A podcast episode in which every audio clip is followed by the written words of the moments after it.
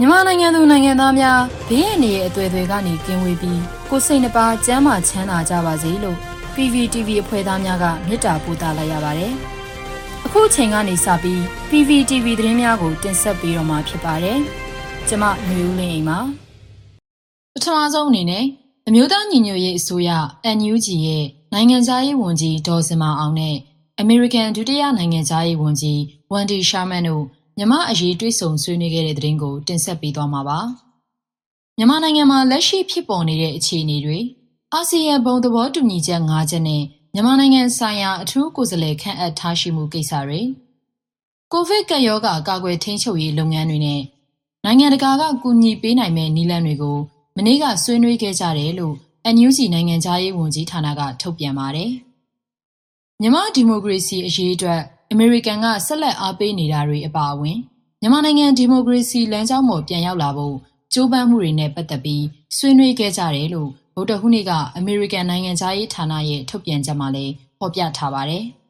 ။မြန်မာနိုင်ငံမှာဖေဖော်ဝါရီလ၁ရက်နေ့ကစစ်အာဏာသိမ်းပြီးနောက်ပိုင်းနိုင်ငံရေးအကြက်အတဲတွေကိုဖြည့်ရှင်းရေးအာဆီယံကအထူးကိုယ်စားလှယ်ခန့်အပ်လိုက်တဲ့နေ့မှာပဲအမေရိကန်ဒုတိယနိုင်ငံသားရေးဝန်ကြီးနဲ့ NUG နိုင်ငံသားရေးဝန်ကြီးဒေါ်စင်မအောင်တို့တွေ့ဆုံခဲ့ကြတာလည်းဖြစ်ပါတယ်။ American နိုင်ငံသားရေးဝန်ကြီးအန်တိုနီဘလင်ကန်ကတော့အာဆီယံအသင်းဝင်နိုင်ငံတွေနဲ့ဗုဒ္ဓဟူးနေ့ကအွန်လိုင်းတွေ့ဆုံဆွေးနွေးရမှာအကြမ်းဖက်လုပ်ရက်တွေကိုချက်ချင်းရပ်ဖို့ဒီမိုကရေစီအုပ်ချုပ်မှုပြန်လည်ကျင့်သုံးမှုနဲ့မတရားဖန်ဆီးထားသူတွေကိုပြန်လွှတ်ပေးဖို့မြန်မာစစ်အာဏာပိုင်တွေကိုတိုက်တွန်းခဲ့ပါတယ်။ဒုတိယနိုင်ငံသားရေးဝန်ကြီးဝန်ဒီရှာမန်ကကျမဒီကနေ့ဇင်မာအောင်နဲ့တွေ့ဆုံခဲ့ပြီး မြန်မာနိုင်ငံကိုဒီမိုကရေစီလမ်းကြောင်းပေါ်ပြန်ရောက်ဖို့နဲ့ကပ်ရောဂါကိုတိုက်ဖြတ်ဖို့ကြိုးစားနေကြတဲ့အမျိုးသားညီညွတ်ရေးအစိုးရနဲ့အခြားသောသူတွေရဲ့ကြိုးပမ်းအားထုတ်နေမှုတွေနဲ့ပတ်သက်လို့ဆွေးနွေးခဲ့ပါတယ်။အားလုံးပါဝင်နိုင်မဲ့ဒီမိုကရက်တစ်အနာဂတ်တစ်ခုကိုတည်ဆောက်ဖို့စ조사နေကြတဲ့မြန်မာပြည်သူလူထုရဲ့ရဲရင်မှုနဲ့ခိုင်မာတဲ့ခံယူချက်တို့ကိုကျမတို့လေးစားဥညွတ်ပါတယ်လို့သူမရဲ့ Twitter စာမျက်နှာမှာရေးသားထားတာကိုလည်းတွေ့ရပါတယ်။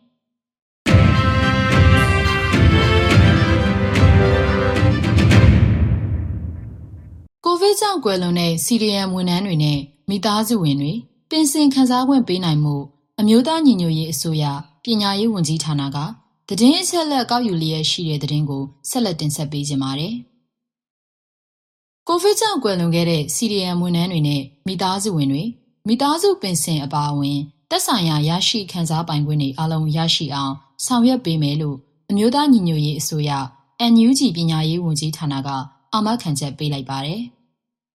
COVID-19 ကပ်ရောဂါကြောင့်ကွယ်လွန်တိမ်းပါသွားရတဲ့ CDM ဝန်ထမ်းတွေရဲ့မိသားစုဝင်တွေနဲ့ပတ်သက်ပြီးဝမ်းနည်းကြောင်းနဲ့ခံစား권တွေရဖို့အာမခံချက်ပေးတဲ့ပညာရေးဝန်ကြီးဌာနရဲ့ထုတ်ပြန်ချက်ကိုယနေ့ဩဂုတ်လ9ရက်နေ့မှာထုတ်ပြန်ခဲ့တာဖြစ်ပါတယ်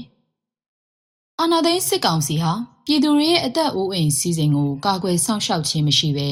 သူတို့အာဏာတည်မြဲရေးကိုသာဥတီဆောင်ရွက်နေလို့စီးပွားရေး၊ကျန်းမာရေးနဲ့လူမှုရေးဘက်မှာ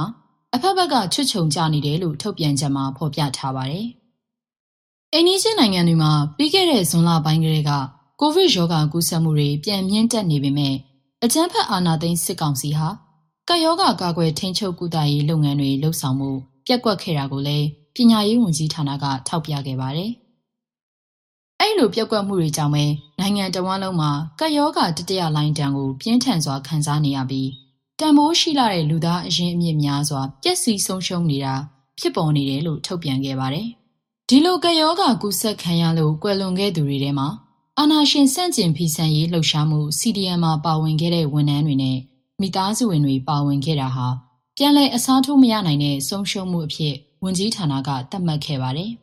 ။အဓမ္မမှုကိုမလိုလားတဲ့ပြည်သူ့ဘက်တော်သား CDM သူရဲကောင်းများနဲ့ CDM သူရဲကောင်းမိသားစုများအဖြစ် မှတ်တမ်းတင်ဂုဏ်ပြုကြောင်းလည်းထုတ်ပြန်ချက်မှာဖော်ပြထားပါတယ်။ကိုဗစ်ကပ်ရောဂါကူးစက်ခံရမှုကြောင့်ဖြစ်စေအာဏာရှင်ကိုစန့်ကျင်တော်လှန်စင်နိုင်ဖြစ်စေကွယ်လွန်တိမ်းပါသွားရတဲ့ CDM ဝန်ထမ်းတွေနဲ့မိသားစုဝင်တွေအတွက်မိသားစုပင်စင်အပါအဝင်ရရှိခံစားလိုက်တဲ့ခံစားပိုင်ခွင့်အလုံးကိုပြည်သူအစိုးရကနေနိုင်ငံတော်တာဝန်တွေကိုပြန်လည်ရရှိချိန်မှာဆောင်ရွက်ပေးမယ်လို့လည်းပညာရေးဝန်ကြီးဌာနကအာမခံကတိပြုခဲ့ပါတယ်။ ဒီလိုဆောင်ရွက်နိုင်မှုအတွက်ကိုဗစ်ကပ်ရောဂါကူးစက်ခံရလို့ကွယ်လွန်တိမ်းပါသွားရတဲ့ပညာရေးနဲ့ပတ်သက်တဲ့ CDM ဝန်ထမ်းတွေရဲ့အချက်အလက်တွေကောက်ခံမှာဖြစ်တယ်လို့ဆိုပါတယ်။ဒါကြောင့်မို့လို့သက်ဆိုင်ရာမိသားစုဝင်တွေဝန်ထမ်းမောင်နှမတွေအနေနဲ့ကွယ်လွန်သွားတဲ့ဝန်ထမ်းတွေရဲ့အချက်အလက်တွေကိုဝန်ကြီးဌာနကလမ်းညွှန်ထားတဲ့ပုံစံမှာဖြည့်ဆွတ်ပေးဖို့ဝန်ကြီးဌာနကမြစ်တာရက်ခံခဲ့ပါတယ်။ပြည်သူလူထုတွေအားလုံးကရောဂါဘေးကနေလွတ်မြောက်ဖို့ဝန်ကြီးဌာနကဆန္ဒပြုခဲ့တယ်လို့ပြည်သူတွေအနေနဲ့လည်း COVID-19 ကပ်ရောဂါကာကွယ်ရေးနည်းလမ်းတွေအတိပေးပန်ကြားချက်တွေကိုတိကျစွာလိုက်နာကြဖို့ကိုလည်းမြစ်တာရက်ခံတိုက်တွန်းနှိုးဆော်ထားတာကိုတွေ့ရှိရပါတယ်။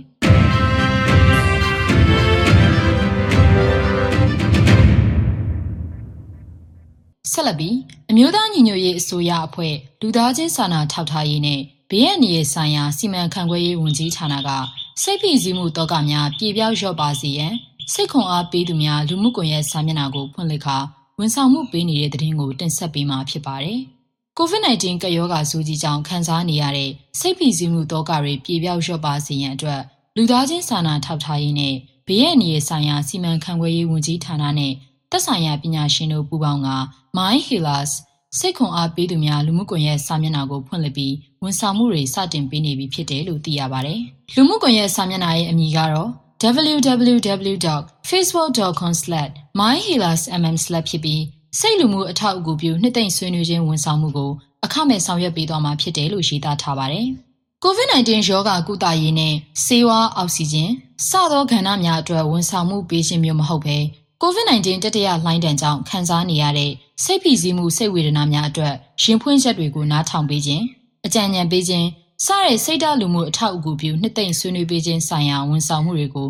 ကူညီရန်သာရည်ရွယ်တယ်လို့ဆိုပါတယ်။ဝန်ဆောင်မှုကိုနေ့စဉ်မနက်9:00နာရီမှ9:00နာရီအတွင်းည9:00နာရီမှ9:00နာရီအတွင်းတနေ့လည်နှစ်ကြိမ်ပညာရှင် volunteer counselor များကဝန်ဆောင်မှုပေးသွားမှာဖြစ်ပြီးနှစ်သိမ့်ဆွေးနွေးခြင်းဝန်ဆောင်မှုရယူလိုသူတွေအနေနဲ့လူမှုကွန်ရက်စာမျက်နှာမှာပေးထားတဲ့ link မှာတဆင့်ဖောင်ဖြည့်ကချင်းဆိုမှုပြုနိုင်တယ်လို့လူမှုကွန်ရက်စာမျက်နှာရဲ့ Messenger ကတဆင့်လဲဆက်သွယ်ချင်းဆိုမှုပြုနိုင်ပါတယ်။ ဖောင်ဖြည့်ရမှာ Messenger ကတဆင့်ဝန်ဆောင်မှုခံယူခြင်းကိုရွေးချယ်ပါက Volunteer Counselor မှပြန်လည်ဆက်သွယ်နိုင်ရန်အတွက် Facebook account link ကိုဖြည့်သွင်းပေးရမှာဖြစ်ပါတယ်။ဝန်ဆောင်မှုရယူသူတွေရဲ့လုံခြုံရေးအချက်အလက်တွေကိုပြည့်ဝပေးထားမှာဖြစ်တာကြောင့်အကူအညီလိုအပ်သူမည်သူမဆိုဆက်သွယ်နိုင်တယ်လို့သိရပါတယ်။